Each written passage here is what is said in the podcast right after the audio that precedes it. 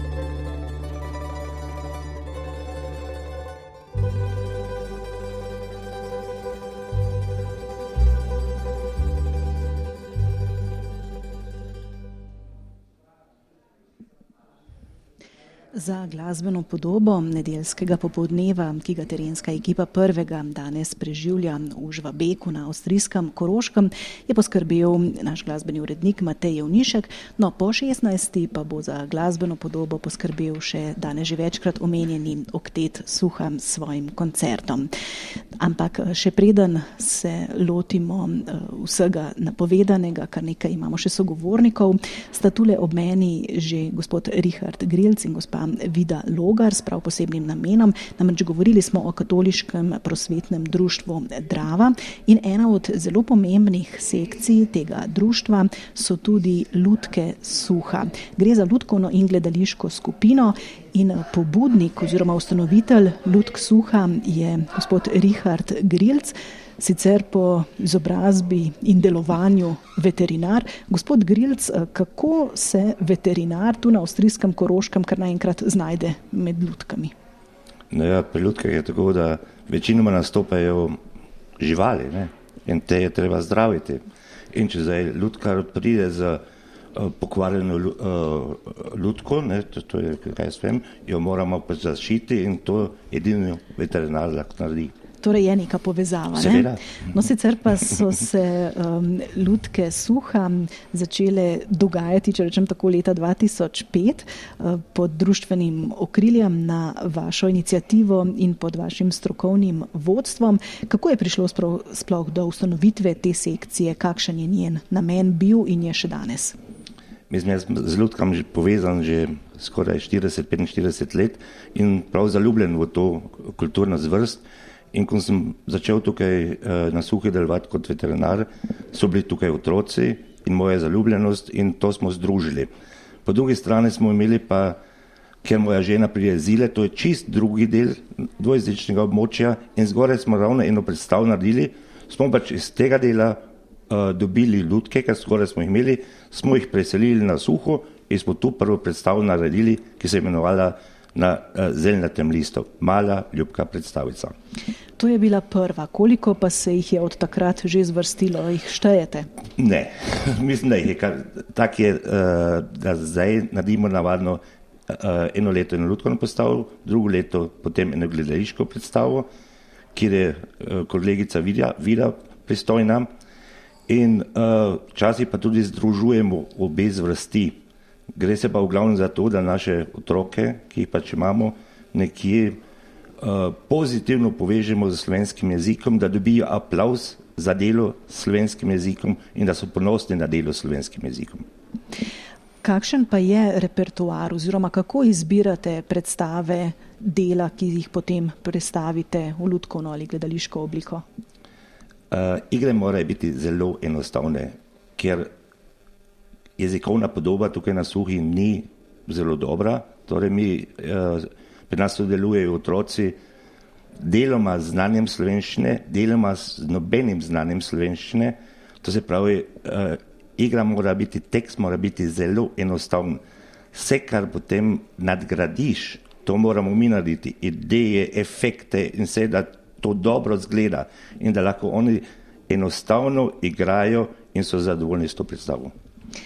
Pravzaprav je eh, z ljudkami skoraj lahko bi rekli povezana cela vaša družina, če se ne motim. Pravzaprav že. Uh, brat, oba brata sta tudi igrala, ne? sestra je igrala, uh, sicer ljudke in gledališče. Mislim, z ljudkami smo vsi povezani. Tudi vaša hči, ne? če se ne motim. Moja hčerka pa je, mislim, ta virus v pozitivnem smislu res prevzela in dolga leta igrala uh, v moji skupini. In zdaj je pa na Dunaju in režija, uh, vodi tam uh, režijo uh, uh, slovenskih študentov, slovenske študentske ljudske skupine in zelo dobre in zahtevne predstave. Gospod Grilc, še to mi povejte, kakšen je odziv domačinov tule na ljudske predstave, ki jim jih pripravite? Zelo pozitivne, kaj, kaj, kaj predstave so res so dobre ne, in uh, od, starši so seveda in saž lahta je ponosna na otroke, ko zaigrajo in tam ne uh, pozabijo to v slovenščini ali nemščini, vidijo, kako so otroci zagreti in kak se dajo od, se, od sebe in, in, in seveda so vsi ponosni in je zelo pozitiven odziv. Gospa Vida Logar, tudi vi z gledališko in ljudsko skupino sodelujete že vrsto let. Koliko je trenutno recimo zanimanja za to vrstno udestvovanje? Imate dovolj igralcev, ljudkarjev? Uh, igralcev uh, je kar dovolj, iščemo. Um, In sicer so pa naše skupine sestavljene tako, da, ima, da sodelujejo deloma že predšolski otroci in potem tja do 18. leta, da so mešane skupine in to nam je zelo všeč, ker potem naše mlade, naši mladinci deloma že jih vključujemo tudi v naše delo, da delajo z tamalimi.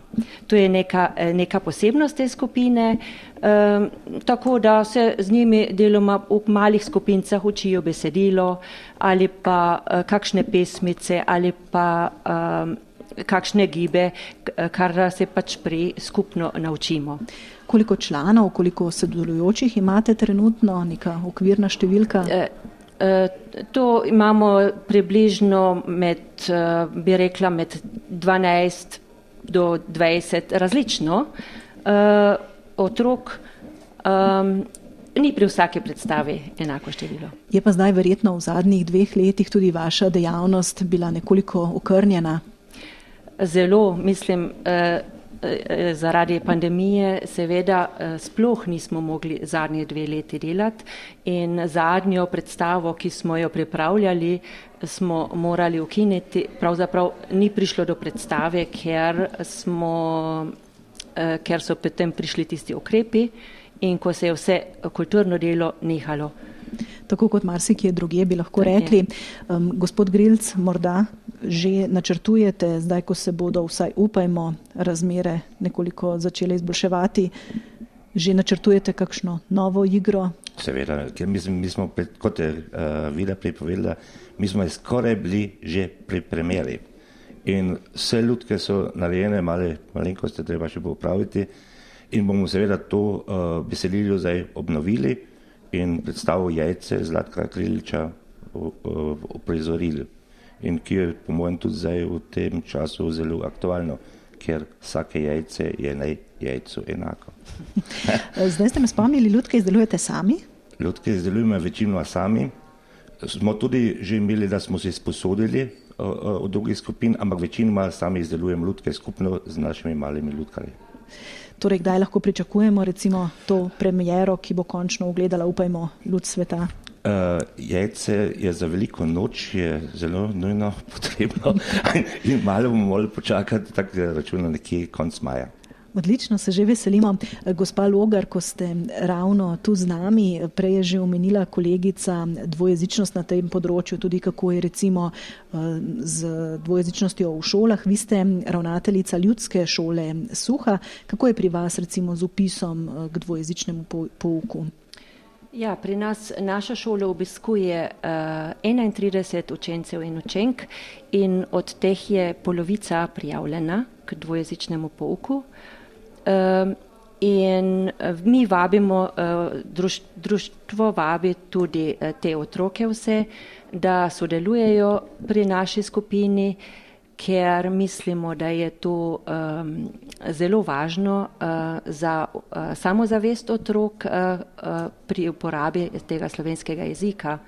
In ljudka je nekaj zelo finega za učenje jezikov, uh, zato jo uporabljamo tudi v šoli, ker uh, pomaga otrokom, da se lažje izražajo, ker se lahko za njo skrijejo. Se skozi leta to zanimanje za dvojezični pouk manjša? Uh, odkar sem jaz, mislim, jaz sem zdaj na suhi pet let, um, pravzaprav ne. Uh, imamo, uh, je tako konstantno število, približno malo, drugo leto je celo malo več prijav še k dvojezičnemu pouku, da smo malo čez polovico. No, to je lepo slišati. Upajmo, da bo tega zanimanja vedno več in pa seveda, da čim prej tudi izpeljete za letos zadano ljudkovno predstavo. Vse dobro, torej tako ljudski šoli Suha kot ljudkam Suha. Hvala gospod Grilc in gospa Logar, da ste nas obiskala tu v Žvabeku. Hvala lepa. Hvala.